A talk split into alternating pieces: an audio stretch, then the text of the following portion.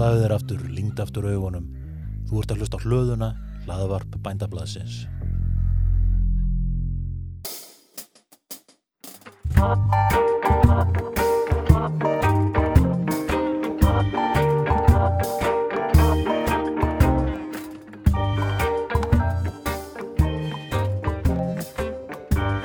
Verið velkomin í Máltíð. Gestum minn á þessu sinni er Dóra Svavarsdóttir, maturslumeistari. Dóra vil láta kalla sig ruslakokk á stundum og það tengist baráttu hennar gegn matarsóun og sangjötnum viðskiptum með matvörur. Hún er einn af okkar allra öflugustu talsmönnum í þessum efnum og er formaður slowfood á Íslandi. Við ræðum það, uh, lífrannan landbúnað, umhverfismál, uh, hennar feril, hennar sérhæfingu í græmitisfæði, eigin rekstur og bara almennt uppvöxtinn og kannski einhverjar skemmtilegar bransasögur.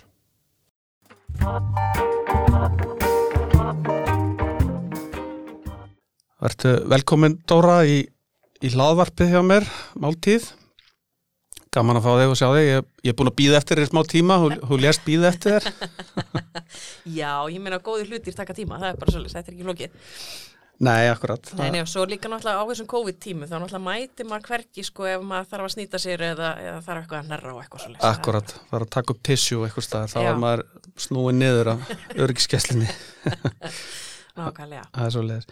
Herðu, en, en hérna, ég er nú svolítið að taka móti fólk hérna sem ég þekkja ágætlega, en, en, en það má samt ekki vera þannig að þetta sé bara svona eitthvað vinnaspjall og þeir sem hlusta þeir þekkja þig kannski ekki eins vel og ég.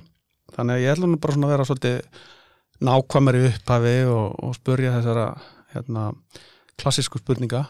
Hver ertu og, og, og hvaðan og og hvers vegna ertu svona og, og, ekki hins einn og allt þetta sko? Já, þannig, þannig að þetta er blanda milli podcast og sálfræði tíma.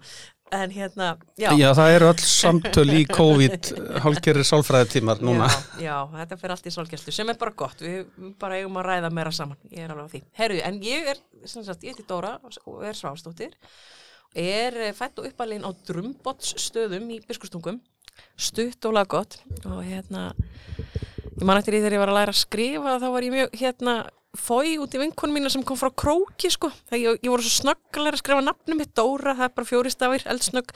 Svo bara, já, hvað er þið heima? og það var bara drumbotstafir 15 stafir, þetta var alveg hræðilegt. Já, mikil vinna, mikil vinna. Nákvæmlega, þannig að það er bara það er bara svolítið, en hérna setna maður hefur maður, hef ég orðið mjög þakklátt fyrir að vera frá stað sem að, þetta er eini staðurinn á landinu sem heitir þessu nafni og, og hérna, og þess vegna eru sem ég að þekkja myndir hinnu skemmtilega nafni Dóra Drumbur. Og það er bara gott, en hérna, já, ég, það er, fóreldrar mínir stundu, hérna, ég blandaði búskap til að byrja með þegar ég er krakki, fyrst og fremst kýr, en hérna, við vorum með e, nokkrar, nokkrar kindur, vorum þetta, já, þegar ég var krakki þá vorum við í félagsbúi við af og ömmu.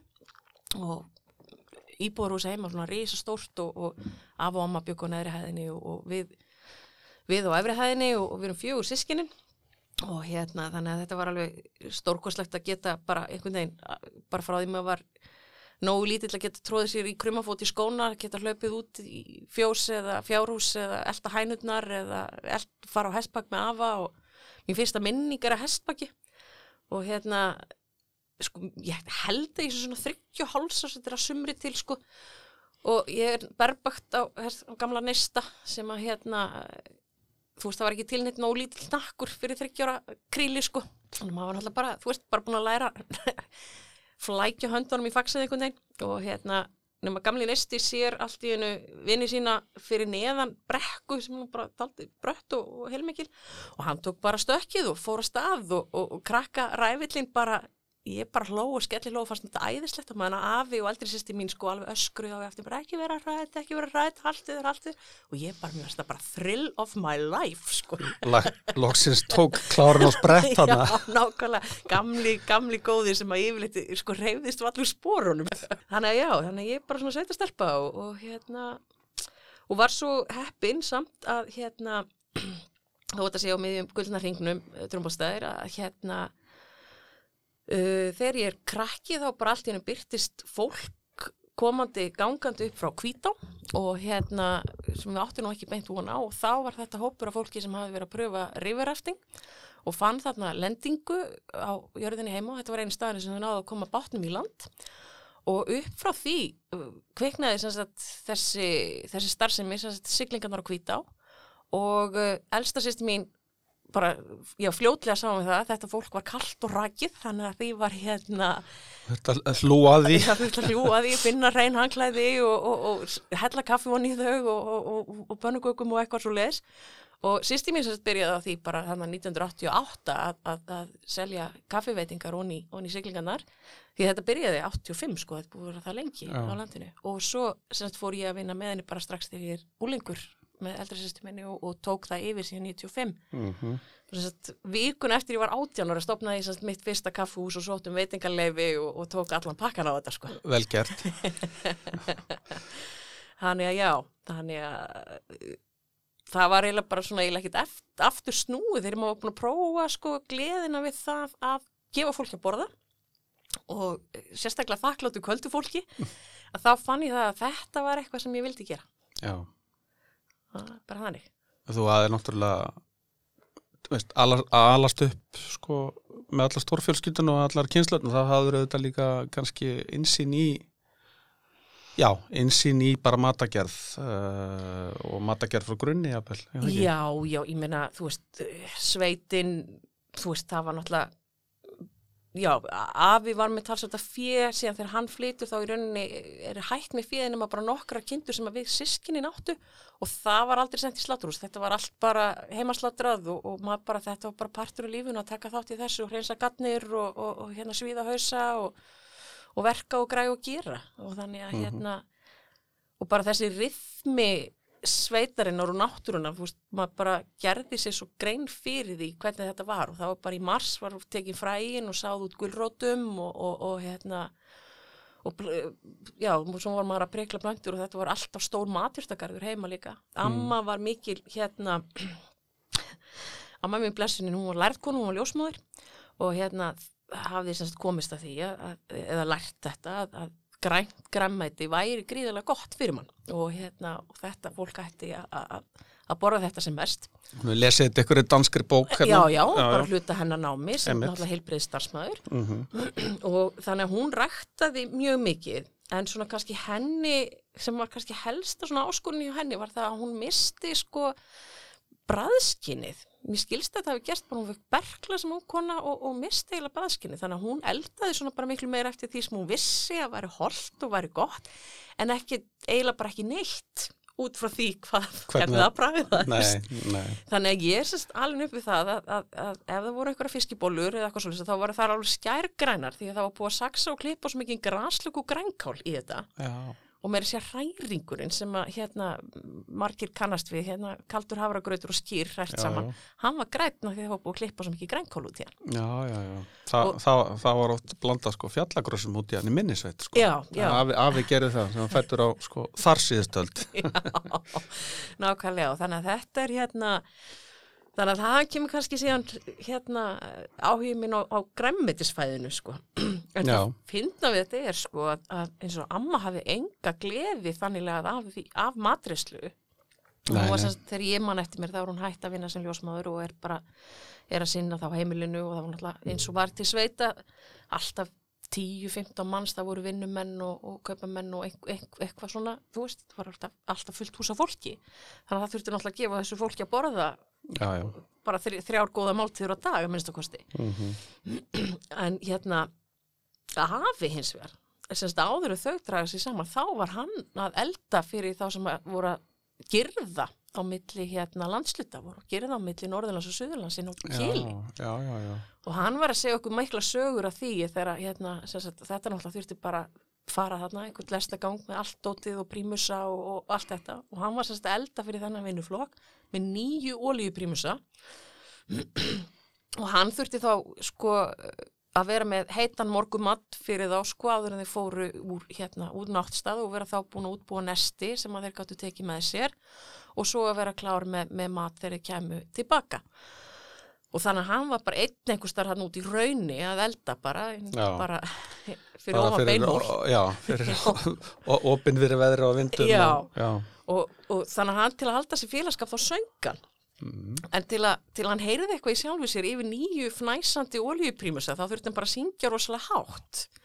Og þetta útskýri það að, að, að það er mikið söngkæf í, í, réttunum í tungunum og það heyrðist alltaf vel í afa mínu þegar að og hann var ennþá að yfirgna af oljuprímusuna Já, já. áratugum síðar. Já, já, engin ástæða til annars. Já, já, að já. þannig að svona er þetta. Og svo uh, að því að ég veit að, að, að hérna, þú fórst síðan í matreisluna og, þú kannski eh, svona eðlilegt framhald þarna af, af því að stopna fyrirtæki í þessum geira rétt, hérna, rétt komin með lögraðis aldur um, hvar, hvar ferð að læra og, og, og, og, hvernig var það allt saman? Og, Heru, hvernig var það allt saman? Já, ég tók náttúrulega sm- smá dítúr sko þegar hérna, já, það voru tvö sömur sem ég var svona alveg á fullu gassi í hérna, í þessu siglingakassi, kaffi.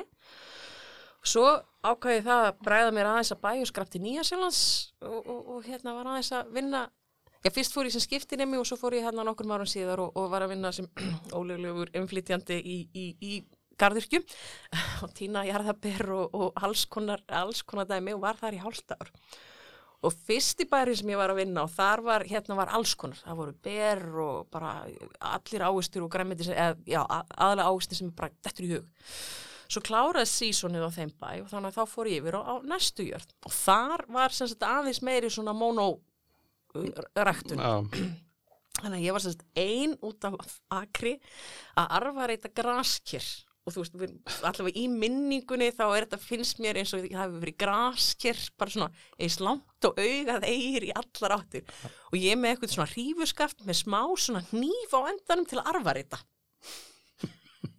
Því að þau voru hérna með svona pesticide free, uh, það var, mátti ekki nota eiturefni, sko. Já. Þetta var ekki lífrænt vottað en, en, hérna, en, en já, engin já, halva leið já, já. Og hérna og þegar ég er þarna fjórða eh, ja, annari viku ég arfa reyta þarna ein í 30 steg að hitta og batterín búin í vassatiskonu og allt þetta þá ákveð ég semst að fara heim og læra kokkin og því að það sé nám sem að gildi allstaðar í heiminum og bara með það fyrir augum að geta faldið áfram að ferðast. Já. en hérna, já, en svo þannig ég kom heim eftir þetta og uh, þá sá, sá sýsti mín sem var þá í bandiskólum á Kvanneri var að fletta mókanum og þá sá hún auðlýsingu frá Kaffi Óperu. Var að vera auðlýs eftir nefnum og samning. Og ég mætti þarna inn hafði þær svo sem reykjum mitt eigi kaffús en aldrei unnið í professional eldúsi svo gerði þetta pínu öfur í röð. En hérna uh, og svo kem ég bara þetta inn og þetta er bara á föstu degi og brjálega að gera. Þetta var bara einn vinsalasti staður á þeim tíma þetta var náttúrulega talsveit færri staður í bænum. Jú, jú. og ég elskaði þetta. Bara frá fyrstu geðveikinni á hérna bara það, það var einn að hætta sko, þetta var síðasta helgin hjá einu sem var búin að vera í svolítið tíma þarna. Og hann hafði svarið þess bara lofa því mörgum vikum áður að síðustu vaktina sína ætlaði hann að tala eins og kallin á línunni alla vaktina. Og hann stóð við þetta. Og þetta var semst drengunni sem var semst að aðstóða mig. Svona bara manneskjunu sem voru að koma þarna inn í pröfu bara hérna nýjórðin tvítug. Og hérna og semst, það var desertborðið og koldur réttinn og allt þetta var útskýrt með röttinni frá kallinum á línunni. Og Já. hérna brjálega að gera og, og bara og ég bara kom bara með stjörnur í augum bara alveg náttúrulega bara kófsveitt og vissum alla hvað snýri upp eða niður eftir þessa helgi og bara, vá, ég ætla að gera þetta. Þetta er vinna mín. Gekkju keirsla eins og þetta kallað í, Já, já, til í- útskýringar fyrir hérna, þá sem ekki skilja. Það er, já, það er, það er þessi stemming og, og læti og, og allan, ég, ég kannast við þetta. Maður finnur líka sko því að það gengur svo mikið á það þurfa allir að vinna saman, þetta er tannhjól sko. Og það var einmitt eitt sem var þarna, ekki kallinlíninu heldur annað sem var svona yfir, yfir þarna þennan daginn eða þessa helgi. Hann kom til mín bara og sagði bara hérna, hérna Dóra bara milli sex og miðnættis er brjálega að gera. Ég á eftir að kalla ömmuðina fíbl og þig sjálfa fíbl og þetta er allt ómulegt og allt hræðilegt en það er ekki persónlegt bara ekkert sem er sagt í kerstunni er persónlegt, bara mundu það og veistu að ég er svo þakklátt fyrir að hafa fengið þennan frasa því að þú veist, það komu alveg tímar og koma mér í sérstundum enn sem maður þarf alveg að minna á, nei, þetta er ekki að bara, þú veist, það er mikið að gera bara temperature on high og það er bara allt í gangi og bara, nei, ok, þetta er ekki persónlegt já, já. Getur rætt þetta bara eftir, hérna, eftir vaktina og... Jú, oftast er maður búin að gleyma því, sko, Já, já. að þetta var eitthvað sem kom upp, sko, bara af því að það var, einn, þú veist, halvri mínút og setna einhver, það var bara búið, sko. Mm Ok, og þannig að kláraru námið þarna á óperu? Heyrðu, já, ég, hérna, ég var alltaf á leiðinni að fara að skipta um vinnustaf, sko, vegna þess að, jú, þetta var frábær staður til, til en þetta var náttúrulega bara steikbúrs með til þess að gera einsleita matsel þó að væri hundra réttir á honum, sko. Jú, jú. að hérna og ég var svona alltaf að spekla já ok, maður þið kannski að fara okkur á hótelunum eða eitthvað annar stað bara til að fá annan vinkil en það fór sem sagt alltaf þannig og þá kom sem sagt framkvæmdastjórinn eða rekstastjórinn og sagði, heyrðu já, þessi er að hætta og það við erum að fá þennan kokk hann er að koma að byrja hérna aftur og ég var að segja, já, heyrðu, ok, ég hef kannski eitthvað lært af þessum eða hinnum eitthvað svo list. Þannig að þess að enda á því ég var með fjóramestara og sem sagt, bara og alla þannig á kaffi og pru og uh, ég held að ég hafi talist til að ég hafi unni með 27 sveinu Vá. og þú veist nú alveg þannig, þú veist við vorum aldrei fleiri en fimm á vaktinni sko. Nei, nei, ma Þannig max um, um, um helgar. já og þú veist það var þegar við vorum mjög vel um önnu þannig að þú veist það var það hröðvelt og ég hugsaði bara alltaf nei, ég, ég get lært eitthvað þessum ég get lært eitthvað þessum. Og það bara hefur alltaf dugað mér hingað til. Já, auðvitað. Það var flott. Já, og svo fór ég sko fór ég að vinna þetta var e, fór maður náttúrulega að leita sér á aukapenningu þetta er náttúrulega, hefur aldrei verið neitt sérstaklega fyrir borgað að vera nemi. Þannig að ég uh, rampa inn á næstu grös sem að Sæmundur Kristjánsson var ný, þá nýlega búin að kaupa. Og það var einn vinnufélagi minn á kaffeóperi sem hafði tætt á óperunum til að fara að vinna hjá honum. Og ég dett að inn í tekka nokkur aukavaktir í, í, í græmitsvæðinu og ég bara, ég algjörlega heitlaðist eiginlega bara frá fyrstu, fyrstu vakt sko, því að þetta var náttúrulega eitthvað allt annað heldur en steik og bernis og, og steinasteikundar eins og við fórum að keira í massíft þarna nýru kaffeóperu Uh, en þarna var, þú veist, fekk hráefnið á næstu gröð sem hráefnið alltaf að njóta sín. Og það var alltaf verið að vinna með algjörlega hreinar afurðir og þú veist, við gerðum karrið okkar frá grunni, við gerðum, þú veist, alla blöndur, allt, þú veist, það var ekkert sem við vissum ekki hvað var í potunum og mér fannst þetta bara geggjað, Það er bara frábær tilfinning og, Já, vei, og já. veist hvað þetta bjóða fólki upp á. já, já, algjörlega og það er alveg bara hérna, reyndar oft kannski fólk kemur og já, hvað er í þessu og ég kannski datnir í allt of nákvæmar útskýringar sko, og fólk alveg löngu búið að svona Fólk út búið að missa strætó þegar þú klárar. og svo ögn af þessu bara, já, Já. ok, já, komaði já, já.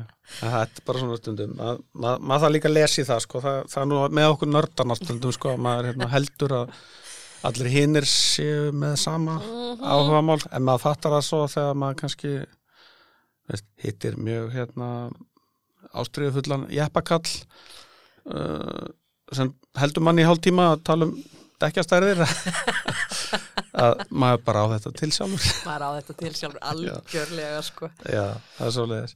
Herðu, og, en, en eftir þetta, ég veit að þú varst í mörg ári eigin rekstri til dæmis. Uh, Já, ég sem sagt fer hérna, ég tók smá aftur smá ferðalög og eitthvað svolítið eftir ég kláraði námið. Og svo bara kem ég tilbaka og, og, og fór að vinna á næstu grössum og hérna kefti mér síðan inn í þann rekstur með samundi og það, já, ég byrjaði þar 2002 og við bara var þar alveg þarkvað til að hérna eh, þeim stað var loka 2012 og hérna, já, við rákum það saman og eh, já, það var einnig viðbútt með okkur þannig um tíma. Og svo þegar því lauk að þá tók ég eh, svona hluta af, af eh, sem við höfum keft okkur stort yðnaðaraldur upp í Kópavói og vorum komið með stað neyri Kringlu og, og neyri á Laugavegi. En ég sem tók yfir eldúsið og, og staðin í Kringlunni og undir nýju nafni sem var Kólína Mm. og rak það hvað ég að ljúga þér uh, já, ég lokaði þetta var með staðan í kringlunni bara í eitthvað um ár en svo fór ég að einbetta mér bara vins- vinslunni og var með veislu þjónustu og talsvert að vinna græmiðtisfæði bæði fyrir mötuneyti og svona undirbúningsvinnu fyrir aðra veitingastæði sem höfðu kannski ekki aðstöðu til þess. Já, og ekki þessar sérþekkingu, kannski Já, heldur. Já, Bæði, bæði út frá græmiti vegan og, og hérna og bara já eins og segi það vantaði, þú veist, viljum þessa típu sósu ekki eitthvað sem er kift eða, eða þú veist eitthvað svolítið þannig að þá hafði ég aðstöðu til að græja það og ég var með þann rekstur hvað vil ég lífa þér? Uh, já, 2000, og- 2012 til hérna áramótunum 2017-18. Já, já. Það er góðu tími. Já, já, þetta voru sex, sex frábær ár Já, og hérna, og ég reyndar sko, búin að hlæja svolítið að því að tímasettingar hjá mér eru sko aldrei, aldrei far, aldrei kaupa af mér business, þú veist, ef, ef ég kemur að segja, keftur hlutabrif, þetta er rosalega góðu tími, ég myndi ekki hlusta mig með það. nei, Ég- ok. Yeah. Ég, þú við lókum á, sagt, við lókum hérna á næstu grössum á laugaveginum uh, 2012, einu hálfu ári síðan springur laugavegurinn út og brjálað að gera, já, sko. Já, já, Við opnuðum í kringlunni sagt, í september 2008 Guð blessi Ísland kemur náttúrulega í oktober 2008 og svo loka ég vegan veislu þjónustu hérna áramótin, já hann er í byrjun ást 2018 og þá er bara veganið akkurat að springa út spring út með látum. þannig að já, það er hérna en, en þetta hefur allt sínar ástæður og, og ég sé ekki eftir neinu Æ, þetta ekki, það þýðir ekki neitt. Nei, nákvæmlega. bara heldur áfram og, og, og maður, hérna, maður lærir öllu og já, vonandi bæti sig bara alltaf. Já, já, og svo er bara, alveg, þú veist, það er náttúrulega bara þannig að, að maður hefur ímsa fjöruna sopi og ímslegt gert, bæði, þú veist, sem mér skáulegt og, en, en hérna, og þetta er allt reynsla í bankan og bara maður býra þessu og ég vil þú maður sé kannski ekki með að keira á eigin nafni ekkur að veislu þjónustuð eitthvað svolítið en þá nýtist þetta manni í starfi og þetta nýtist manni í því sem maður er að gera. Þannig að hérna, það er bara það sem skiptir höfumáli. Og í dag ég veit að út, út um kvipin og kvapin, Já, ég þetta er aðvörum til fólks, hún út um kvipin og kvapin Já, á COVID-tímum.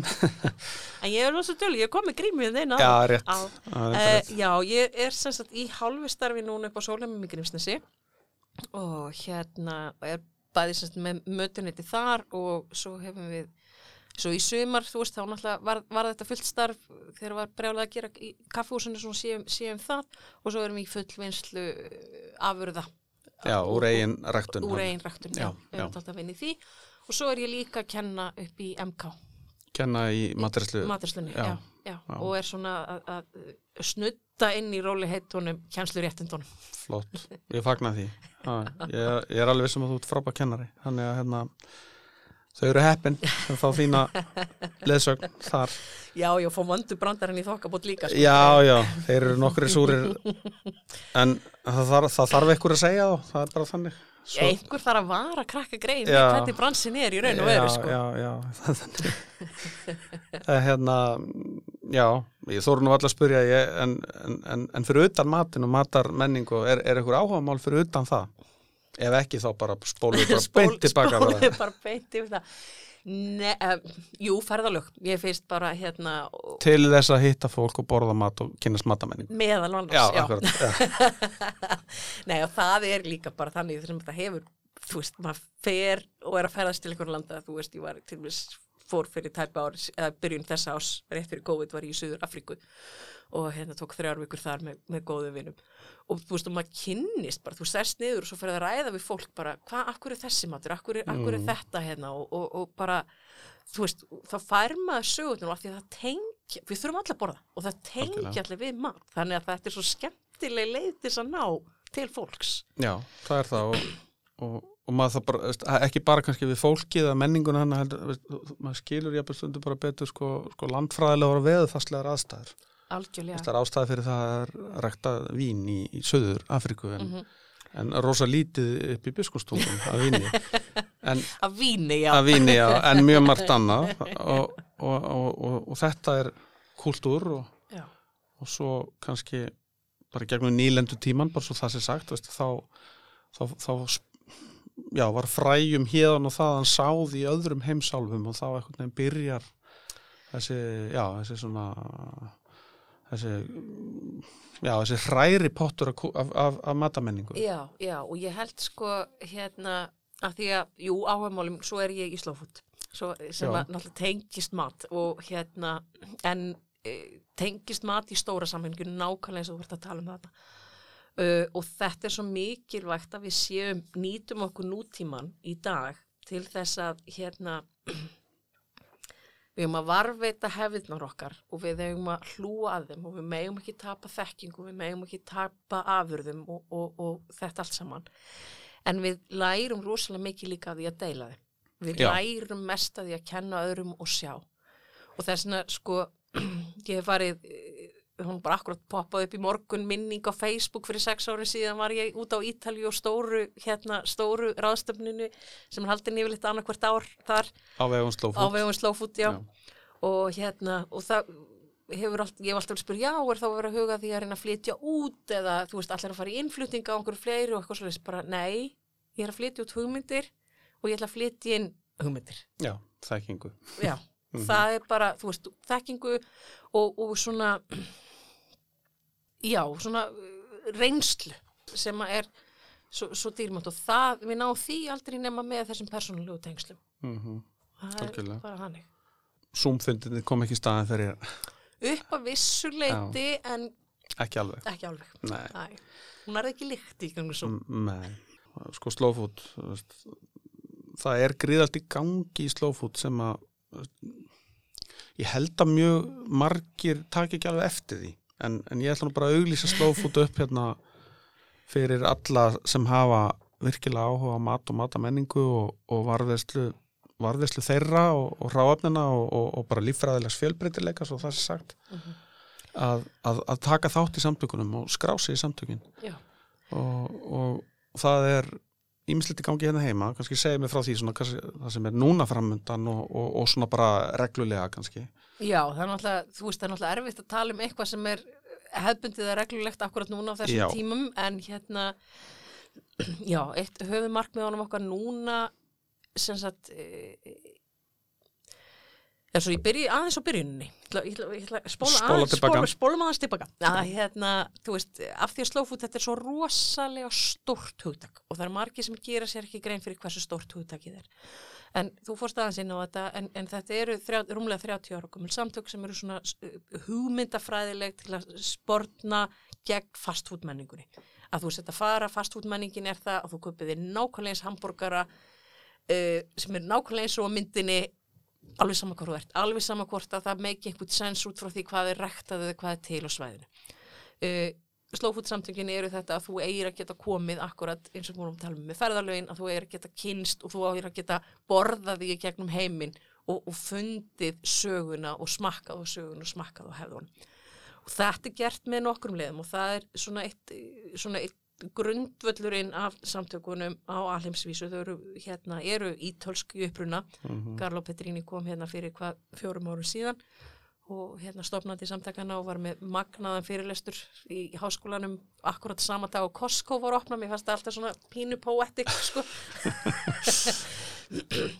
Og þar talar en um þú veist þetta að e, sko við verðum að hlúa að öllum hliðum matvælana, við verðum að hugsa um þetta sem heildar keði þetta, þetta, þetta er heill Þe- þetta er, við getum ekki bara hort á kokkana, við getum ekki bara hort á bænduna, við getum ekki bara hort á, þú veist, að eitthvað flutning eða eitthvað svo leis og, og við þurfum að hugsa til dæmis til þess að það sé raunverulegt fyrir börnin þín, sískina börnin mín, að velja sér það að verða bóndi sem atvinnu. mm Að þau geti bara raunverulega staði fram í, tekið það ákvörðin sem ungt fólk í dag bara já, ég ætla að vera bóndi. Og ég er þar alveg, ég er ekki að dæma börnin mín til þess að, til fátæktar. Nei, nei, að, að, að þess vegna verðum við að fara að huga svo mikið að því hvernig við hérna hvernig við hugsaum þetta. Því hvað ætlum við að gera ef að við erum búin að útrýma öllum bændunum? Já. Ætlum við að borða plasthúðu tilbúðu kostokku mm þú veist, það er bara það þarf einhver að búa til matin okkar. Já, og þetta er eitthvað sem er finnst svo magnað í, í allri umræðinu um mat að það bara gleymist þessi grunnur. Að það bara, það þarf fólk til að búa til matin okkar saman hvort að, það sé að ræktan eða veiðan eða, eða, eða, eða sapnunum og hérna og, og þess vegna er svo mikilvægt að sé hópur af fólki eins og okkur sem erum í slófótsamtökunum, þú hvort sem að við erum bændur eða sjómenn eða kokkar eða, eða ekki, ekki bara neytendur, þú veist, því að við erum öll partur af keðjunni. Og það er svona, er þetta hérna og tökum öll ákvörun með kortun okkar á hverjum einasta hverjum degi. einasta degi. Já. Mhm. og þá bara, þú veist, þú ert að fara út í búð og þú ert að kaupa þér þitt, þinn mat fyrir þúsund krónur hvert, hvert fara þessar þúsund krónur Mhm. eru þær að fara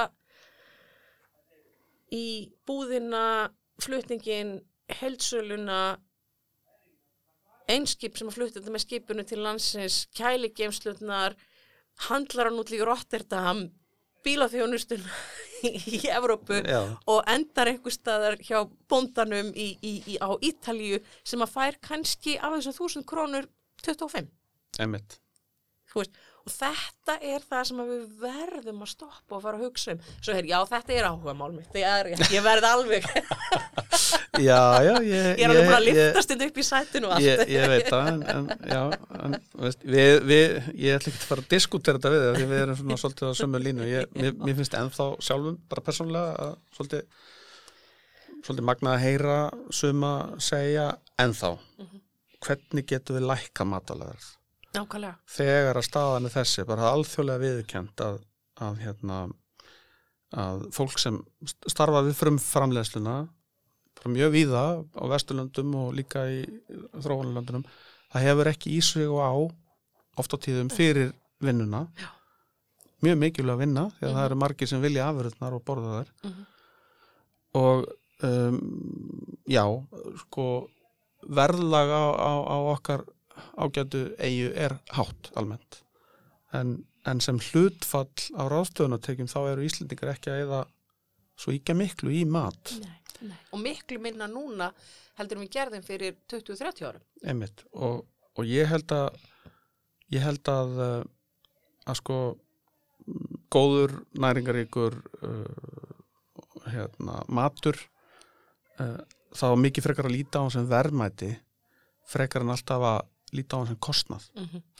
Og þetta sjáum við svo endurspeglast í hinu sem að ég er alltaf dætt inn í gegnum slófút sem er matasónin hvernig getum við leift okkur? Hvernig getum við vogað okkur að kvarta undan háu matvælaverði þegar við hendum einum þriðja af matnum sem er framlýttur þetta er náttúrulega bara svo gjörsamlega styrlað að það nær ekki nokkur játt þannig að já, þetta er hérna þannig að að þessum ingangi tali og þá það sem að er hjá okkur í slófutsamtökunum ég er, semst, er formaður núna og hérna og ég skrópaði að alfundunum í síðustu viku eða þar síðustu. ég er brjálið það er alveg stórt F í glatanum Já, að hérna að þá er það að vinna, þá er það bara að vinna að þessari vitundaraukningu það er stóra, stóra verkefni okkur það gerum við á marga vegu.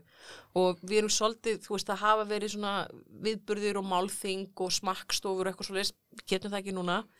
Uh, matamarkurinn Hörpu hefur verið afsprengi út frá slófútstefninni sem hún Eirinni hefur haldið svo dásamlega á lofti, gert, já. á lofti Gert- gert vel, og gert sko ekki bara þrekverki að fá yfir 30.000 manns og einni helgi að smakka afurðir heldur líka bjóum til svo dásamlegt tengslaneta smáframleðendum mm og það bara þekki ég sjálf því að ég kom með mínar vörur þarna inn og þarna er bara fólk sem ég er í miklum samskiptum og samvinni við í dag af því að ég kynist þeim þar inni.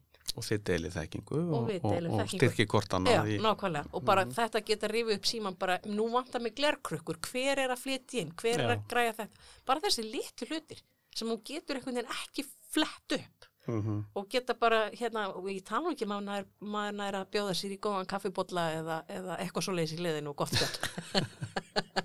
Tró, tróða sér inn eitthvað stað já, Já, já. en þetta, hérna, já, þannig að uh, við, erum, við erum svolítið að vinna í þessu núna úr það sem að uh, er verkefni akkurat sem að ég er að, að reyna að vinna núna með honum Svenna, hérna, Sveni Kjartans sem var með Aldo og er núna í Sælabankanum og ítalsku strákur sem heitir Cornell sem að er leiði núna Slowfood Youth með miklu myndaskap hann er alveg dásamlegur 23 ára orkubolti maður, ég verð ég verð alltaf pínu móð þegar ég er búin að spjalla við hann sko. Þetta spennaði örgispelli Já, já, já. Svona, ok, já, ok, nú máttu byrja að tala. Því að hann talar alveg 300 km hrað og það er allt í gangi og hann gerir allt sem hann segir líka Já. sem er alveg magna en við okkur stendur svolítið nærri þetta ástand sem er núna veitingageiranum blæðir? Já, og hérna og öll umræðan sem er í gangi núna er einhvern veginn um áfengiskjöld og, og, og hérna hvað ég segja, þú veist, fer alltaf í krónur og auðra, sem að jú, auðvitað, það snýst þetta um það, en við erum algjörlega ekki að ræða um sko hvað, hversu mikilvæg þessi stjætt er veitingamanna til að bæði kynna menningu okkar fyrir erlendu ferðamannum og að taka afurðir úr frá bændunum okkar og, og sjómanunum okkar og búa til verðmæti, búa til nýsköpun, vinna að nýtingu hérna bita og, og, og, hérna ráafna sem hafa verið lítnótuð. Þetta er ekki rætt.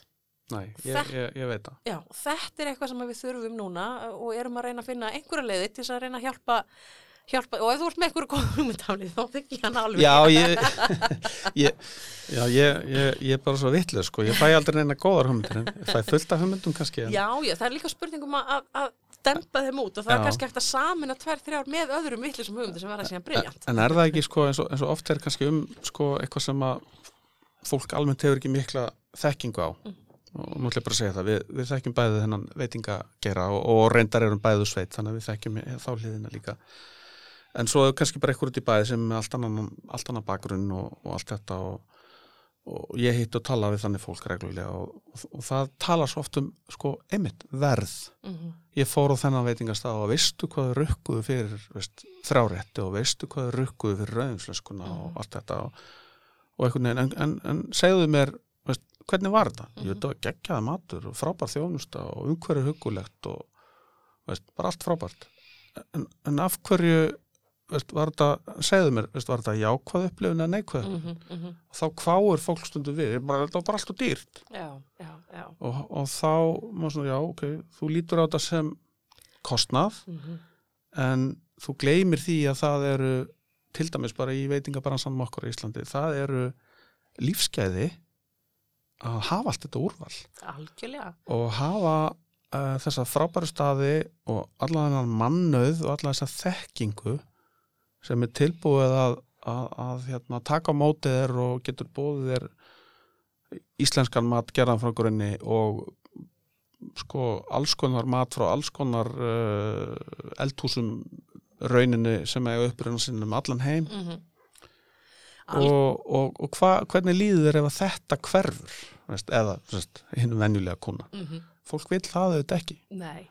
Nei, og mér finnst líka svolítið skondið þegar fólk hefur verið að bölsóta stundafarin ár sko yfir hérna helviti stúristónum sem er að taka pi, pi, pi, pi, pi. Þú veist, ég meina, við munum það þegar við vorum að vinna saman henni í dentíð og kaffi og óperu, ég meina það var brjála að gera á föstum og lögatum. Gjörs sem þrýsettin salur og alveg snar, en við fórum kannski neyri í tvo og þrjá gesti á verkundunum. og núluðum stundur stundum Maður gæti setið heilan eftirmiðdag við gluggan og, hort uh, út í lækjagötuna og, og það var ekki einu sinni neitt á ferðinni til Nei, að horfa á því að þú veist einstakar löflaði eitthvað fjúkandi. já, strætó tómur Já. með, með reglulegu millibili. Þannig að bara þetta hafa fengið innspýtingu af fólki sem er að borða, þú veist, erlendi ferðarmenn sem að, þú veist, þú erum náttúrulega að kaupa hverja einustu máltíð þegar þau koma að ferðast hérna, hefur gert það að verkum að það var, það var hægt að byggja upp veitingúsaflóri. Og Já. það var hægt að hafa raunverulega atvinnu af því að reka og vinna á veitingastað. mm Sem að, sem að ger, þú veist, því að fagmennskan dettur líka svo úr því að ef það er bara tvö kvöld í viku sem það er eitthvað að gera því þá getur ekki verið með fagmenta fólk í fullir vinnu. Það þarftu bara að treysta á fólk sem er tilbúið að hlaupa inn í, í, í þetta sem aukast og þá detta eðli málsins samkvæmt gæði niður. Já, og, og þú getur þá ekki heldur jafnvel nýtt allskins hráefni sem að krefst Algjörlega. fagþekkingarinnar og, og meiri úrvinnslutíma og svo Já, framvegis já. já. Og þetta er svona hérna, já þannig að ég, ég held að það sé gríðarlega mikilvægt að við séum dálítið duglega að taka núna þennan kynntil að, að benda á uh, að við megum ekki þetta í það að tala um veitingabransan bara, þú veist, uh, hérna, hversu mikil áfengjurskjöld eru og hversu mikil, við, þurfum að tala um þetta út frá miklu, miklu stærra og sjó, sjónarhóli og við þurfum að finna leiði hvernig við getum stutt við bransan okkar. Uh, því miður er ég rætt um það, það verði náttúrulega um það byrja allar kennutölur í veitingabransana með 21 endingu á næsta ári, en, og, og mögulega er það bara allt í leið. já, já, kannski, kannski Vo- vonandi Já, það, það. þetta er bara rosalegt. það sko. er hægt að stofna nýja kennutölur og gera nýja leigusamning og allt það og, og, og kannski, sko, ég er reynda bjartsynt fyrir hönd sko okkar ef að, ef að fara að rætast úr þessu COVID uh, leðendum hérna að öfugt við hrunið hérna 2008 Mhm. þá mistuðu svo mikið mannöðu landi bara úr á öllum þögum Já, en, en, en fólk á ekkert heimagengt í önnur störf annar staðar akkurat núna nei, því að náttúrulega sittur allur heimurinn í þessari sömu súpu. sömu sko. súpu Já. Já, ég er sammálaðið með það að það er ljósið í myrkrinu. Að þetta er svolítið, við haf, þurfum bara að halda haus og, og þrauka og vera tilbúin, en til þess það náttúrulega fólk að hafa geta átt í sig og á og, og, og sitja ekki eftir með einhverja hrikalega skuldasúpu þegar að það eh, hjarnar aftur við, sko. akkurat og hérna og það líka skiptir bara máli okkar eigin viðþorf að hérna bara viðþorfisins okkar sem samfélags að bara við að líta á veitingamenn sem afætur já, já, eða, eða eru þeir ekki bara mjög nöysinlegur partur af okkar svona identity sem þjóð ég myndi halda það já, já, við viljum alltaf Við viljum það, já, já. Já, já, bara, já, já, það er bara þannig. Já. Og, ég get svo sem sagt það er bara það, allan út frá þeim tölum sem að ég, það var að fara ódjúft í það, en, en ég bæði minni vinnu læt gera kannanir til Íslendinga og erlendra ferðamanna. Mjög lítið að konunum til erlendra ferðamanna akkurat þessa dagana, en, en um, tölurnar segja mér það að erlendir ferðamenn þeir borða hlutfalslega meira af íslenskum afurðum uh, í sínu veitingahúsa heimsóknum heldur en íslendingar gera. Já, og, og það rýmar við þá trú mína og eða bara það sem ég veit þú veist, þú bara út frá sjálfu mér og þeim sem eru svona meðvitaður um menningu og annað að, að, eh, að þegar ég er í útlöndum þá vil ég borða það sem er í bóði þar og það sem er rækta þar og, og getur sagt sem dæmi að ég fór í fyrsta skipti til Valencia á Spáni í fyrra og var þar í þrjára, fjóra nætur og ég held ég að borða pæjælu allan að þrissara fjórusinum og, er bara- og ég fór á matamarka og ég keifti hrísgrunn sem eru með, með uppruna vottunina og eru ræktur rétt fyrir utan borgina og ég keifti safrani sem að eh, er rækta bara eins, eins nálagt borgin og hægt er, ég held að svona ekki helvi ræktaði hér en, en, en þetta er bara svona. Mhm. og, og þeir sem eru meðvitað að koma hinga, þeir verið að borða það sem er íslenskt. Og það er eðlilegt, finnst mér algjörlega og, og hérna, en, en um leið eða eitthvað sem er íslenskt og er svona íslensk taug, þá þarf gott fagfólk til þess að vinna það og, og þróa það því að allt þróast Við þurfum, bæ, já, við þurfum gott fagfólk þurfum, og, og í allri keðinni. Við þurfum nefnilega góða bændur líka. Já, já, Og við meðum heldur ekki glema því. Veist, við þurfum, við þurfum góða bændur, við þurfum góða umbós aðila fyrir úr, Þá úr, sem er að úr, úr, rækta. úrvinnsluna. Þannig að það sé verið að gera það með réttum hugafari og, og, og, og, sína ráefnunni þá virðingu og, og, og full nýta það eins og hægt er og koma því þá í réttan farveg og, og allt þetta. Og hérna, já, af því að þú ert að þetta inn í uppruna vottanindar. já, já en, en, en, en mér langar að taka þennan punkt sko. Já, já. veist, hve- hvernig er það í dag veist, er, er ráfninu sínd virðing í, veist, í þessum úrvinnslu millistíði Sko, þetta er rosalega misjant á melli bransa. Já. Og mér, ef við horfum til dæmis á sjávarútvegin versus hérna kjötiðinaðin. já, Þetta er náttúrulega bara það næstu eins og við séum á sikkur í plánutinni, hvernig þetta er unni.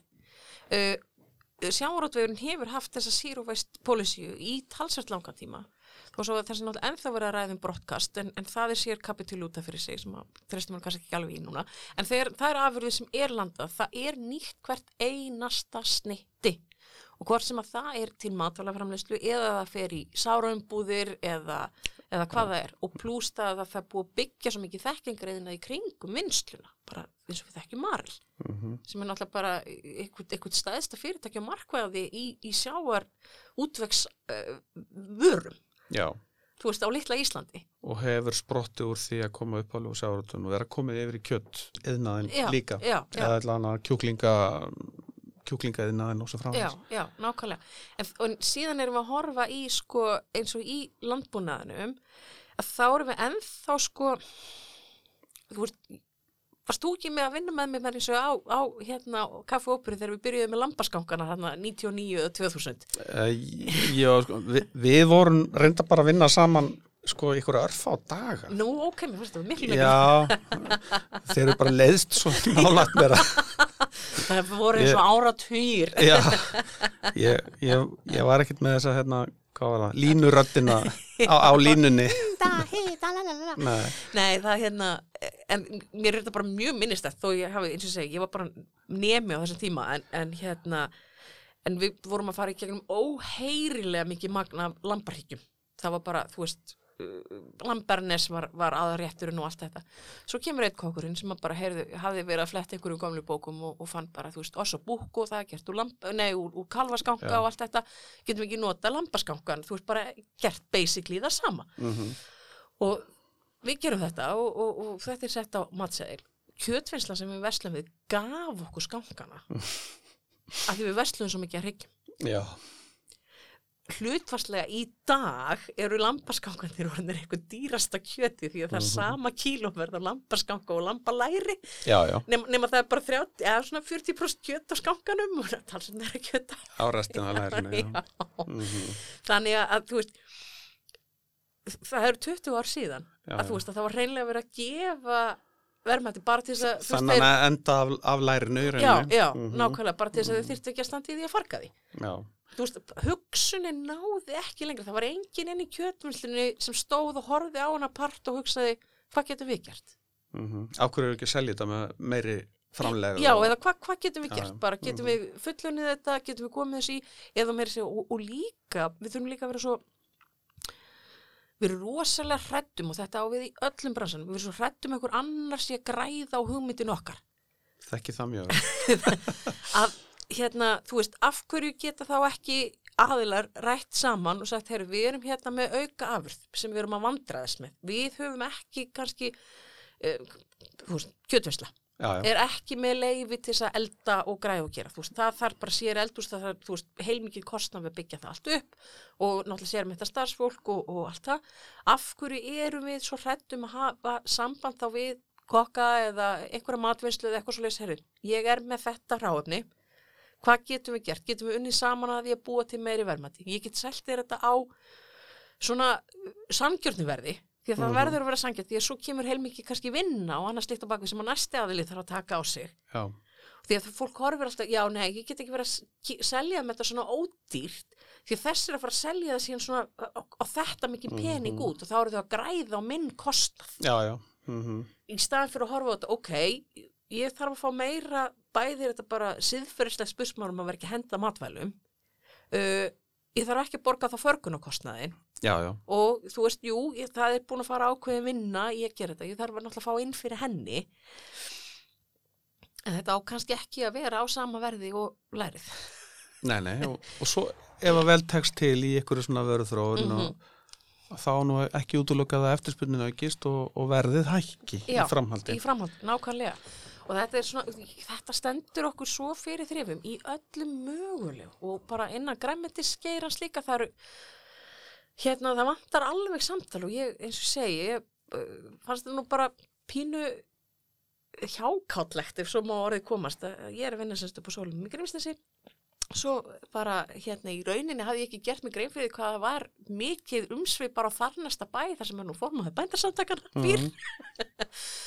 og þá eru þau akkurat nýbúna að opna eldús eða svona vinslu til að fullnýta því þau voru að henda þú veist upp undir halvu tonna kryddjúrstum Já, já, á ári ég þekki þá sögu. Já, hálf tonna kryddjúrstum er bara ógæslega mikið magna Og kryddjúrstum gríðarlega verðmætti. og gríðarlega verðmætt Já. já.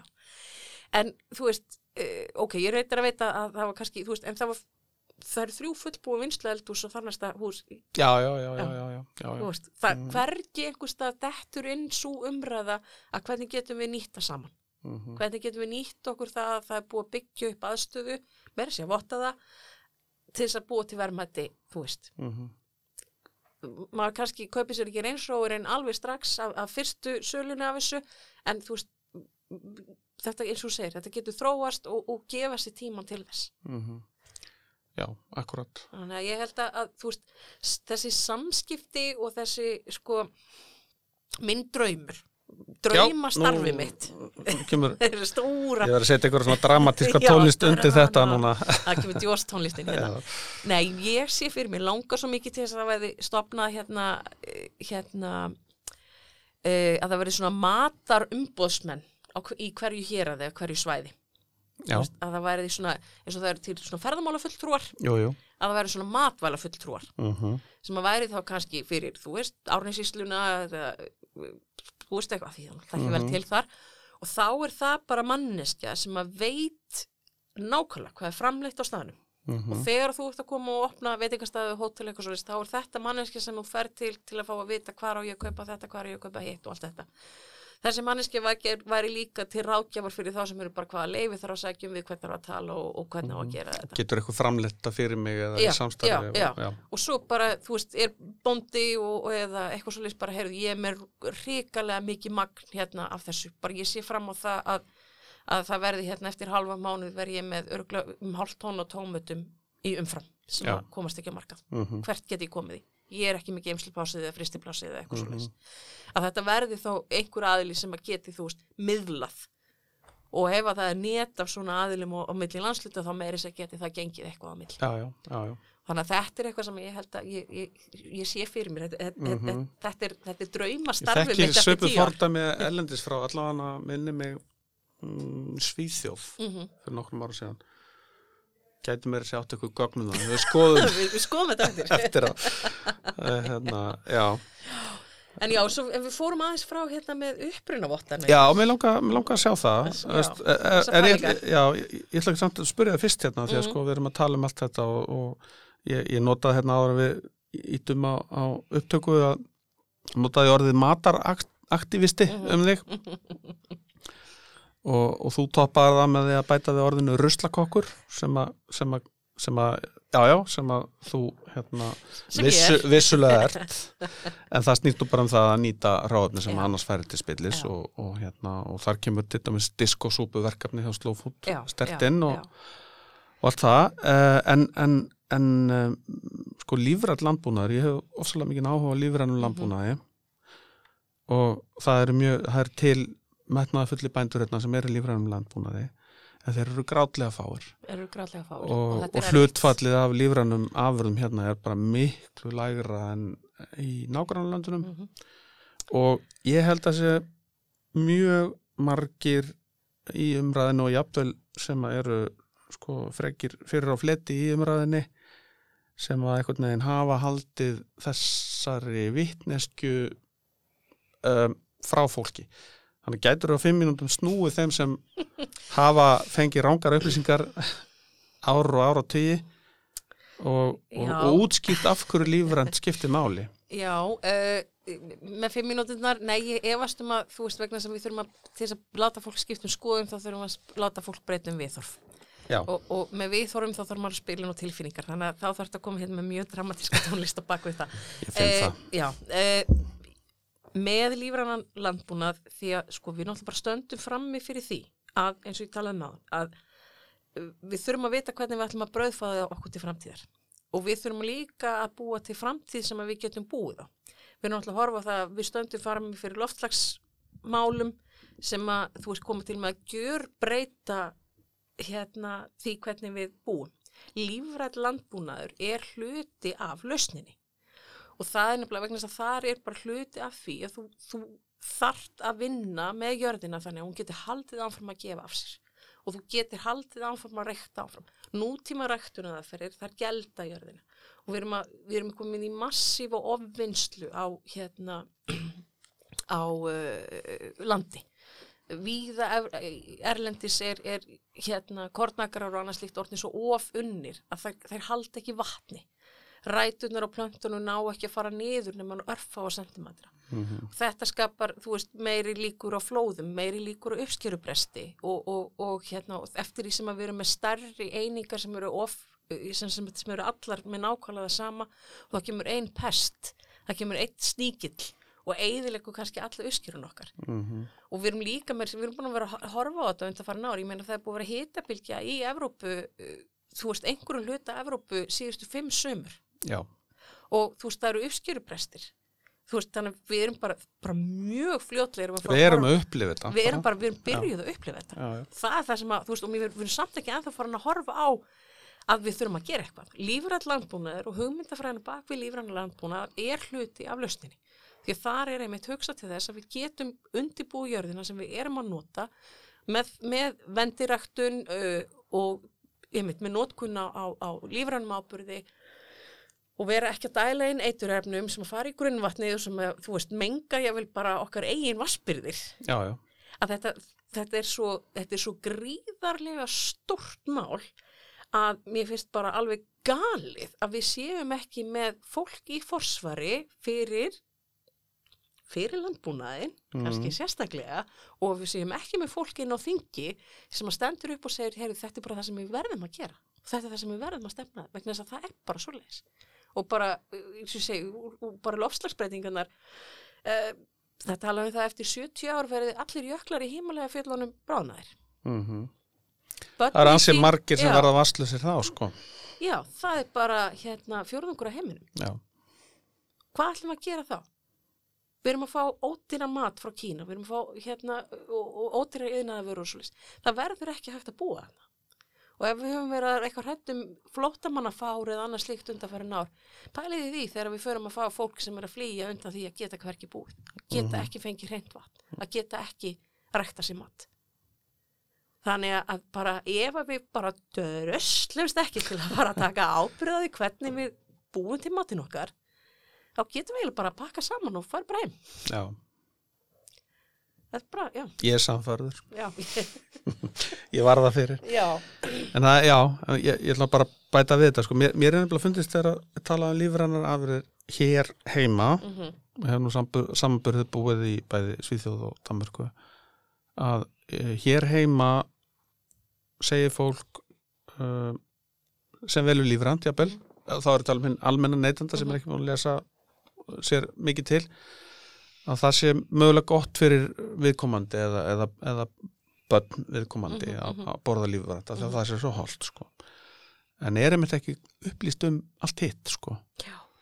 og, en það er til dæmis í Danmörku það er í 20 pluss ár þá er það súvitniski sem að rekur fólk áfram í það að velja frekar lífrand og, og, pólitíkina í það að styðja við lífrana framlegslu já, með, með raunverulegum aðgerðum og langtímaplani langtímaplani og þetta er einmitt það sem er sko, til minnst Dani náttúrulega ákveða til minnst bara þeir taka bara mjög meðvitað ákverðu Já. um það að styðja við danskan landbúnað, jú, vegna þess að þeir standa fram fyrir því, þeir eru í Európa-sambandinu og þegar að ríkiskaupin þeirra eru að fara að gera stór, stór útbóð, mm -hmm. þá þurfa þeir að auðlýsa á öllu efriska efnahæsfæðinu. Uh, til þess að, þeir megi setja, það má ekki setja að það þurfa að kaupa x og x mikið danst, þá er þetta mismuna. já, já. En þú getur sett kröfur um það að, að í öllum skólum og öllum ofinbjörnum stopnunum þurfi ákveðið mikið að ráfnin að vera lífrænt ræktað Mm sem þið gera. Já, og svo er bara settur fullt af kraft í það að þau séu sjálfur að framleiða upp í það. Mm Og þarna eru þeir náttúrulega að hugsa svo frábærlega því þarna eru þeir að bæði að styrkja frumframleysluna og að búa til markaðin. Því við getum ekki bara sagt bara, heyrðu, já, við erum að rækta lífrænt ef það sé engin tilbúin að kaupa það. -hmm. Því þetta er keði og peningunni þarf að fara, þetta þarf að vera flæðið. Þannig að, að eh, bóndin geti haldið áfram að kaupa nýtt útsæði, það þarf að endur nýja tækjakostin, hann þarf að byggja sér hús og börnin hans þurfa að fara í skóli eins og allir aðrir. Já, já. Og hann vil kannski líka skreppa til Ítalið og slófútur ástöfnuna og, og hitta okkur. Herðið flott, ég, hérna, gott hérna, já, nú, nú ætla ég að bara byrja þig að útskýra uh, fyrir þeim sem ekki skilja málið eða um, uh, sko virði vottana og upprunamerkinga og þá náttúrulega bara leið, sko Já, af því, af því það er viða pottu brotin í þessu og, og, og mér finnst í umræðinni hérna heima að fólk almennt skiljið ekki alveg.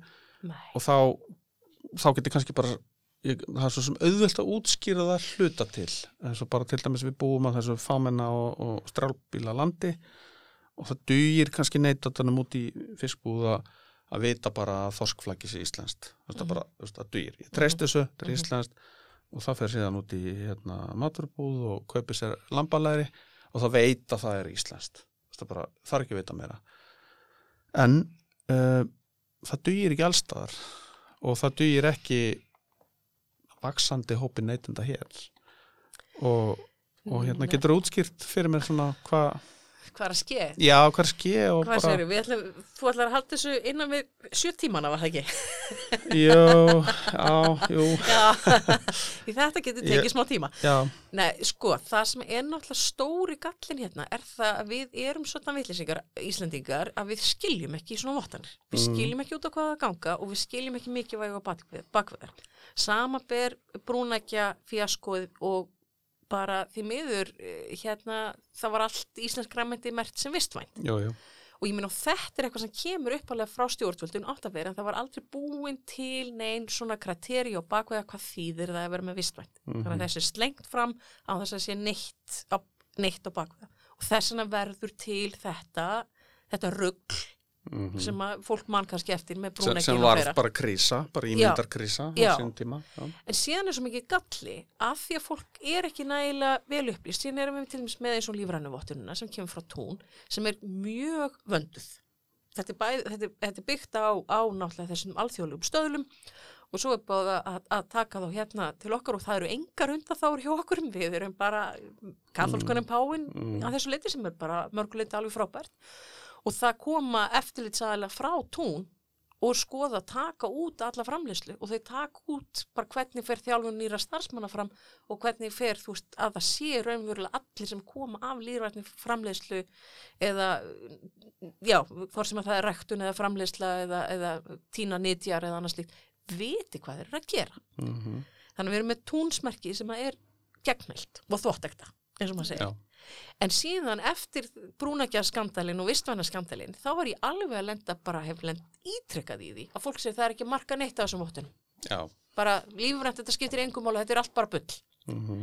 Af því að við grípum, við bara erum svona gullfiskar, fólk, að við grípum eitthvað svona eitt og eitt á lofti og, og skoðum það ekkert meira. Þannig að ég held að sko þessi ímyndakrísa, hún er miklu djúbstæðar og erfiðari og, og hafði miklu meira áhrif heldur við kannski gerum okkur nokkra grein fyrir út frá þessu. Af því að fólk bara afskrifaði allar vottanir og einmitt meðalans þær sem eru með einhverjum raunverulega á bakvið.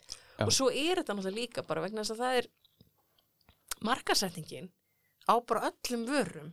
Þú veist, það er hægt að setja alls konar orð og slagorð og eitthvað á og þú veist í rauninni ekkert hvað stendur á bakvið, hver eru alvöru, hver, hvað, er, hvað er eitthvað að marka. Og fólk er bara orðið algjörlega ringlað og veit ekkert um hvað það snýst. Uh, þess vegna held ég að það sé mjög mikilvægt að við séum að, að reyna að uh, vera ekki með ofmarkar vottanir Mhm. og það séu mjög skýrar og það sé aðgengilegt fyrir hvað það standa. og þar hafi sko standi styrkum fótum í einhverju tilvísun í lög og, Já, og þó, já. þá helst sko alþjóðalög og því það er ekkert mál að fá nonna frænda sko sem að veist, var hérna, grafísku deildinni í FB til þess að teikna eitthvað merki sko já, nefnilega. Það, og það er mjög öðvelt og mörg, bara mjög flott sko. Sum er hægt að kaupa, þú veist, mér finnst bara svo alþjóðlega merki hérna, uh, uh, hérna World Wildlife Fund til þess. Það er bara, þú mátt setja það á vöruna þína ef þú borgar bara eitthvað orkjald. já, já, Það ég- skiptir engum máli hvað ég, þú ert að ég, gera. ég veit fleiri dæmi og það eru til umhverfis vottanir út í heimi sem að sama eru bara eitthvað Já, prump, þú býr bara til eitthvað skýslu og, og hakar í bóksinni í skýslunni og, og sendi þeim já, veist, á hverju ári og, og, og borgar og þá færðu bara eitthvað merki sem bara mátt klína á allt sem þú hefur sko. allt sem þú hefur. Og þetta er, þetta er rosalega allir vegna þess að upprýna vottanir, það skipta rosalega miklu máli. Og þetta er svona rosalega mikil áskorun fyrir e, landbúnaðina því ég veit að þið hérna í Æslandi Glamp hafa náttúrulega verið að sækja um og vinna í uppruna vottununum mm. að, að hérna og þetta er rosalega erfitt það er rosalega mikil klíður í samfélaginu. já. Hvernig náum við í gegn að láta fólk raunverulega vita hvað það erum að gera. Mm Og þarna komum við aftur á kokkunum. Ég held að fyrir í matalabransanum að við þurfum að vinna með kokkunum í því að hjálp, fá þá og staðina til að hjálpa okkur að halda uppi e, þessum standard og auðlýsan og segja hvað hann er. -hmm. Uh, því að hérna, við þurfum að fá nú breytt samfélag, við þurfum að fá nú breyða umræðu af þeim sem raunverulega vita hvað þeir eru að tala um. Og þetta er e, því miður er held ég engin ein töfralust til En- Nei, nei, þetta er langklöp Þetta er langklaup, já. og eins og hérna inn í slow food eh, samtökunum, það eru nokkur svona líki hluti sem við erum að gera þar og það, eitt af því er að skrá vörur inn í það sem er kallað bragðörkin eða ark of taste og það er sem sagt þá vörur sem eru einstakar á einhvern hátt uh, og eru jáfnvel í útrýmingarhættu bara með nýjum kynnslóðum, með nýri tækni uh, og, og aðferðum. Og hérna og það er semst haldin út í þessi gagnagrunnur í, í, á Ítalju í kringum þetta þess að bara þetta týnist ekki og svo er annað merki sem er svona uppruna, upprunamerking sem að er, er verið að vinna núna í nokkur, nokkur uh, nokkra vörur komnar í það hjá okkur á Íslandi sem er kallað Presidia. Og þá er ekki bara sko, færið ekki bara á vörun og það er ekki einhver einstakur framleiðandi sem að færða, heldur það fengi fyrir svona eh, ákveði mengi. Eins og við vorum að fá á íslensku landnámshænuna Mhm. þá er hluti af því að sko að vottunin kemur á hópin sem stendur á bakvið framleyslu og ræktun á íslensku landnámshænuna þannig að þar ertu þá komin með sem sagt, hóp sem getur sótt styrk hvern í annan og eh, sagt og þá verður til þetta hvað ég segja, vörumerki á bakvið uh, þessa vottun. Mhm, og þetta er pínu önnur nálgun heldur en er á flestum eða mörgum þessum, þessum vottunum. Kannski nær þess að uppruna vottunum ykkar já, Það sem já, þið eruð já, að sækja. já, já, og þetta er eitt helst, helsta verkefni okkar. Það er núna við erum að vinna í, í, í fleiri, fleiri vörum uh, skýrinu og geitinni og annað slíkt. Og þá líka bæði það að fá þá aðila sem er að framleiða vöruna fá þá til að vinna saman og, og sammælast um hvað eru reglurnar á bakvið þetta, hvað er, hvað er ásættanlegt og hvað er ekki ásættanlegt. mhm, Uh, það eru mjög skýra reglur, skýr skilirði sem koma frá Ítalju en það er náttúrulega eðli málsins samkvæmt, þetta eru alþjóða samtök þannig að það er aðeins mismöndi hvað hendar íslensku geintabónda eða, eða geitabónda í, í, í Zimbabwe. já, já, Það eru aðeins aðra til þess kröfur um húsakost og svona já, já, þannig að, að það er tekið tillit til þessa en þetta er hérna já, þetta skiptir svo miklu máli upp á að, að við vitum að þetta sé þvottakta sem við erum að borða. Já, ekki, ekki grænþvotturinn og ég held að grænþvotturinn á bara öll möguleg er bara eitt staðista vandamálið okkar í umhverfismálum.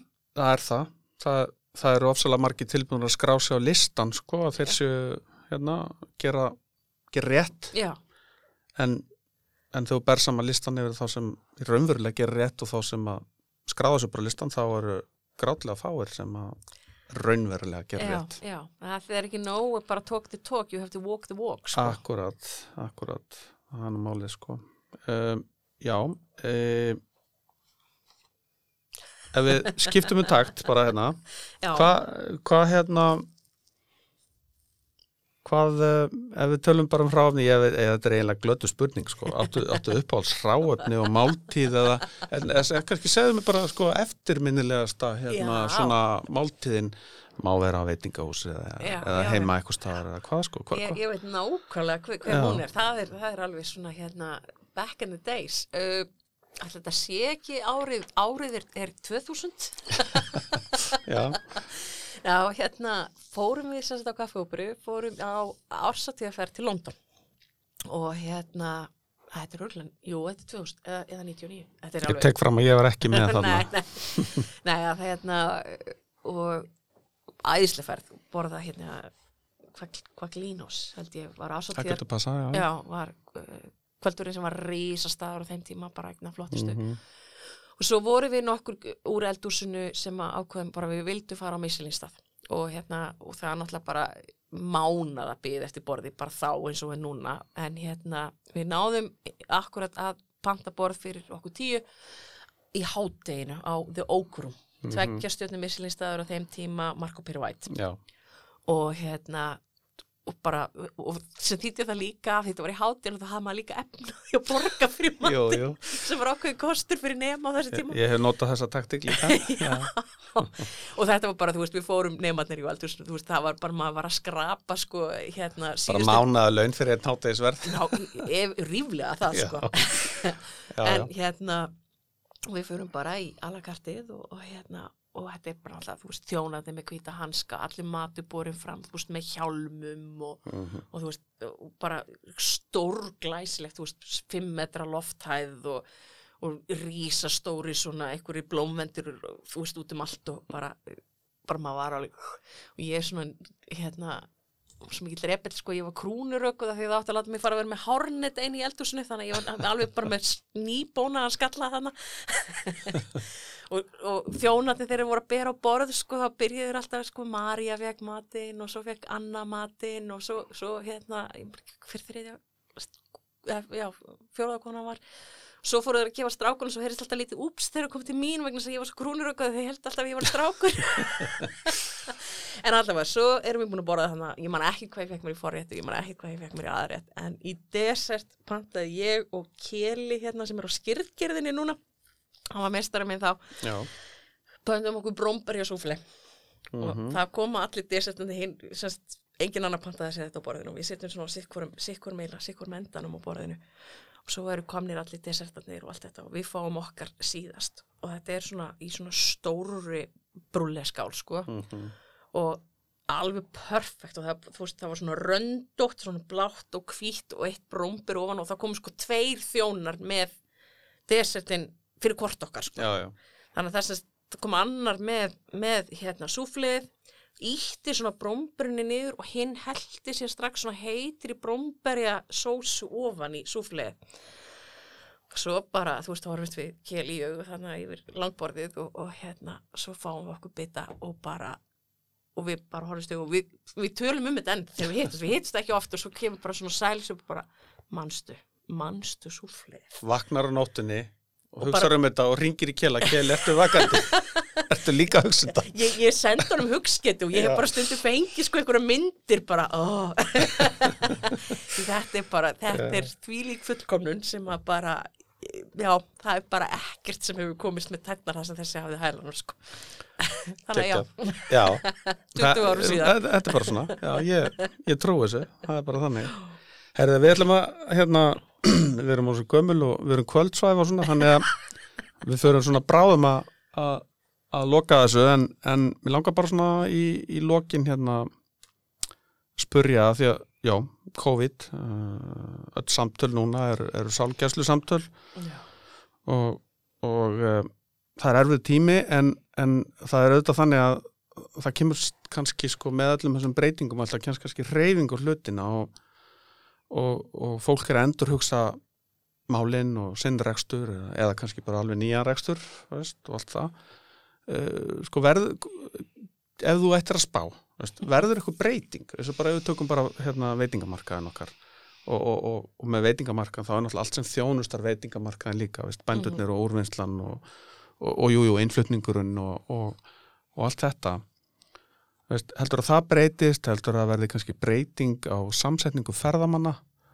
Það verður bóttið breyting af samsetningu ferðamanna. Já, ég held að það sé bara eitt læsin í æs upstairs sko, að hérna bæði vegna þess að það er náttúrulega við erum rosalega heppin af því við búum í, í velferðarsamfélagi sem hefur náð allavega hinga til að halda bara nokkuð vel utanum okkur þó að auðvitað með í deilum ímislegt en uh, víða erlendis náttúrulega erum við að tala um sko gríðarlegt atvinnuleysi stór hópu fólk sem er bara búin að vera tekjurlust núna stæðsta hluta ársins og sem er bara í örbyrð já, Þannig að þú veist, jú, kannski milli stæta fólk eh, og alríkasta fólkið kemur til með að hafa efni á því að ferðast eitthvað. Mm en, en þú veist, af því þetta var svona milli stæta fólk sem var að koma til okkar. Mjög mikið, já. Mjög mikið og margir þeirra hafa mist atvinnuna sína Mhm. og eru bara, já, víða eru atvinnulisbætur, ég var bara ekkert í bóði Mhm. og ef þær eru þá er það svo mikið brota brota þau eru rétt ná að tóra já, já. og eðlilega þá bara að láta efnahagsreikning hvers heimilis fyrir sig toppar það að koma í draumaferðalega til Íslands. Þannig að ég held að, já, það er alveg klart máli að við, ferða mennska í heiminum á eftir að vera bara mjög löskuð og, og undarleg núna næstu, næstu árin sem er líka kannski gott, gott ef við horfum út frá umhverju sjónamöðunum, þessar flugferðir eru kannski ekki endilega það besta. Nei, nei. Þannig að vonandi það sem mjög langar til að sjá eru ferðamenn sem að stoppa lengur Já, sem að koma og eru í lengri tíma og, og leifa sér eh, ekki að þjóta heldur njóta já, já. og, og, og eru þá kannski hérna, eh, já, og, ná að koma svona dýbra inn í, inn í, inn í samfélagið og, og það ætti líka bara ekkit síður að vera gott fyrir okkur því að sá hópur ferðamanna skilur uh, yfirleitt meiri pening eftir sig heldur en hini sem að koma bara í helgaferði eða er og eru líklegri til að koma aftur lagjabel já, nákvæmlega. Og þannig ég held að það sé alveg hérna, þú veist, við þurfum að huga, huga að því og þá að passa okkur á því að til sem að fólki er að stoppa við höfum svolítið verið með veitingabransan að fólk er svolítið að fá sömu máltíðina hringin í kringu landið. Jú, jú. Þannig að ég held að það sé mjög mikilvægt fyrir eh, veitingamenn og, og, og fólk bara eh, um vitt og breytt um landið að huga því bara hvað hefur mitt svæði upp á bjóða, hvað getur mm -hmm. ég gert í minni sérstöðu? Mm -hmm. og ekki bara endil í samkeppni við að jóa í næsta húsi, heldur þú ert í samkeppni við, við veitingastað á Ísafyrði og Reykjavík og þó svo þú sett á Neskustad þannig að það þarf, það þarf að huga því að þetta verði svona skemmtileg helstað upp, upplifun fyrir, fyrir alla Uh, eins og við töluðum með máðan þar sem er kannski munun og þessari kreppar það, við, það hefur ekki verið þessi miklu spekiliki við erum ennþá með fólkið okkar. Uh, en þetta verður, verður töff. Já, alveg klárlega.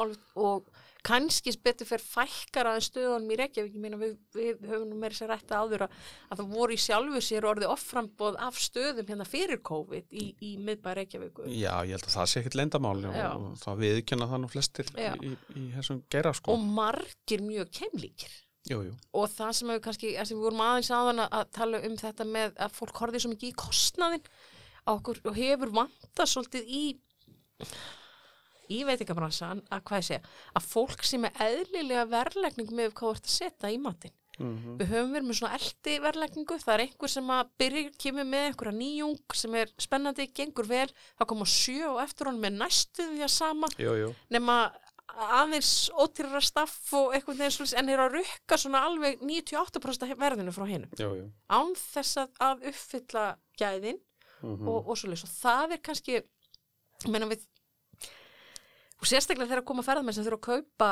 alla sína máltíðir úti að þá þurfum við líka ákveðna breytt í verðlegningunni Hanna hefur vanta lengi Algjörlega Sko, já veist, ég myndi segja að dýrustu veitingastæðarnar á Íslandi, þeir eru ódýrir í alþjóðlegum samanbæði. Algjörlega. Veist, ef þú, þú ferð á mm -hmm. stað eins og dill og, og, og, og grillið á hotelsögu eins, eins og það var, mm -hmm. að veist, erlendir vinni mínir sem komu yngi á borðu á þessum stöðum þessu, heyrði þetta bara alveg frábært, frábært mhm. matur, frábært þjónusta, mhm. allt aðeinslegt, en af hverju bara rukka hálfverði? nákvæmlega, nákvæmlega. Já, þeir sem eru vanir þú, þeir fá þessi gæði þessa típu af já, service já, já. en nú meðan eru við síðan, já, og það vantar síðan alveg staði sem eru þá bjóða upp á þú veist og þannig komum við inn í slófotöksununa, matur á að vera góður hreitn og sangjart sangjart þýðir, hann har að vera sangjart fyrir þann sem er að kaupa matin mm -hmm. og hann á mhm. líka að vera sangjart fyrir þann sem er að selja já, já, og, og alla sem að og alla sem að því koma já, og það er nefnilega, þú veist, við þurfum ekkit endilega að vera með, með, með kavíjar og tröflur á öllum réttum, þú getur gert geggjað mat og einföld og ótyrur ráefni mm -hmm. og þá er líka bara eðlilegt að þú sért með verðlækningu sem að endur speiklar það og, og, og bara auðvitað það þarf að borga fólkinu laun og það þarf að borga legu og allt þetta. Ég er ekki að tala um það að þú er að fara nýðast á fólkinu þínu Nei, en, en við eigum ekki. samt að geta, geta endur speiklað þetta betur. Já, það var, já ég ætla nú að láta þetta vera sko, loka punktunum veitingabransan það væri gaman að sjá veitingabransan að rýsa upp aftur það sem var verðbíl væri sko raunverulegt og endur speknaði verðbíl í þeim löndum sem við berum okkur saman við. Já, satt? Já, og Einmitt, og, og þá erum við ekki, þú veist, að akkurat að tala um það vegna þess að hér er bara dýrt. Það er, þú veist, ég er ekki að ætlast þess að allt sem kosti tíu eurur í, í Fraklandi kosti tíu eurur hér, nei, Þa, nei. það er ekki sangjant, en einmitt eins og þú segir að það sé þetta verðbil, að við séum að það sé hægt að, og líka bara ég held að þá fyrir Íslandingin að þá að fara út að borða á, á þrjóðarskvöldi verði þá freka möguleik jú, jú. þannig að við byggjum upp líka íslenska menningu í því að fara út að borða. Að því við höfum Íslandingunni er svolítið kjartna að horfa á það þannig að það að fara út að borða sér bara á lögatum og þá eru líka að klára tvær rauðvísflöskur og fáið konjak og eftir og, og allt þetta og vera svona halv hauslistur og kemur heim. Jú, Já, já, það er alveg rétt. En, en samt fólk borðar mun meira úti en það gerði sko. Jú, jú, enda náttúrulega frambóði mun meira á stöðum. Já, já, já. En þetta, já, þetta, þetta er svona það sem ég langar til að sjá Já. og ég held það gerist bara, þú veist, vatni finnur sér alltaf farveg það gerir það auðvitað. þannig að þetta, þetta verður bara rosalega erfitt og við þurfum að, passa okkur að, að hlúa að bransanum og, og, og, og það allt saman, já. Já, algjörlega. Herðu, ég, sko bara í lokin, þetta er náttúrulega, hérna, þú mátt segja nei, en, en hérna, ef þið langar til að deila með okkur, einhverju svona góðri bransasögu sem að er bara án ábyrðar og engin nöfn ne nefnd, sko. Ú, Þú nefndir hann kela þetta náðan, það var mjög sæklust. en, en hérna, já, bara segðu mér. Ó, þetta, sko, þetta er náttúrulega gallin sko við allar hérna við allar hérna svona þegar maður settur honum til spott jú, ég, eins meila kannski snýr mest bara mér sjálfri sko, það, það var hérna akkurat, ég var með dálítið sítt hár þegar ég var að byrja að læra kokkin og, og hérna svo fóru að finnast hár og eitthvað svona veist, þannig að það kom þessi krafa um að ég ætti að vera með hárnett mér fannst það ekki sangjart að ég var eina sem ætti að vera með hárnett Að þeir vegið, verulega. Já, bara, veist, En keli, slapp hann við hárnett. Já, hann var ekki að vinna með þá en, hérna, en það voru aðri sem voru alveg með hárnir og axlir skilur sem var alveg líka, það hafði bara ekki fundist að þeim sko. Þannig að ég bara mitt fór þarna daginn eftir í fílukasti og, og bara krúnurakaði mig alveg bara og með sköfu sko, þú veist það var, það var hægt að spegla sig sko. Og þá kom ég ljós náttúrulega öll til skipti sem maður hafði dótt að hespaki öllu örin og höstum á mér og allt þetta. En hérna svo hann hérna Jói Jó sem var hérna framkvæmtastjóri á kaffi og óperu þannig hann mikill humoristi og, og eh, hann kemur inn eitt kvöldi þarna skömm, skömmu síðar og hann leik, Dóra, Dóra, hvað er fram í sal, er fram í sal brjálega að gera og lega þetta ég bara, hvað, þú veist, ég bara nemi sko, bara, þú veist, akkur, ha? Já, hvað, hvað, hvað og hérna hann, komdu bara hérna borði, borði 21 og hérna og spurðu hva, hvort það sé eitthvað vandamál. Og ég bara, já, já, ok. Fyrir bara að tvítla fram og borði 21 þá er ég bara, hvað séu, hvað, er, er, er eitthvað vandamál? Herru, þá er þetta sem sagt tvær konur sem voru búin að gera sko meira hátta mál úr því að þær hefði fundið hár í matum og Jói svona, þú veist, hafði síðan að þetta var svona hvítt, langt ljóst hár og, og þú veist, það var svona eiginlega nokkuð ljóst að það hafði dotti trúlegast bara af erminni frá annari hvori Já, þeirri, sko. já, en já. það voru svona alveg tilbúnar að fara að gera svona mál Taka debattinn, sko þegar kom alltaf síðan nöyð fría, coffee eftir matinn. þá kom bara nöyða sköllóttur kokkur fram og það er svona hérna bökkuðu aðeins með þetta þannig að hérna, þetta kom sér ágætlega vera, vera sköllóttur á þessu tíma. Hann las leikin. hann las leikin algjörlega. Þetta gerði Jói æði oft. Gekjað. Herri Dóra, bara ofsalega gaman að fá þig.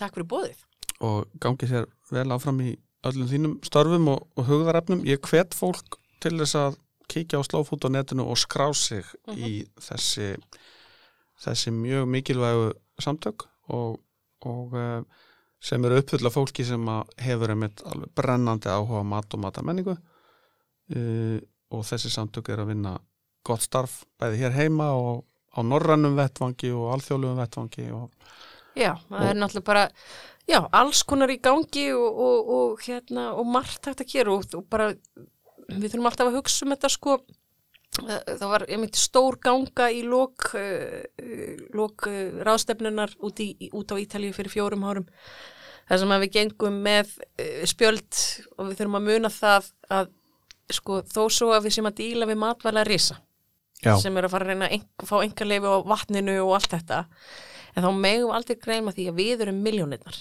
Já, við já. erum miljardarnir fólkið sem erum að borða þannig að ef að við náum að standa saman og vinna saman að því sem okkur finnst skipta máli þá höfum við áhrif það er þannig. það er þannig Þetta eru loka orðin. Dóra Savarsdóttir, kæra þakki fyrir komuna.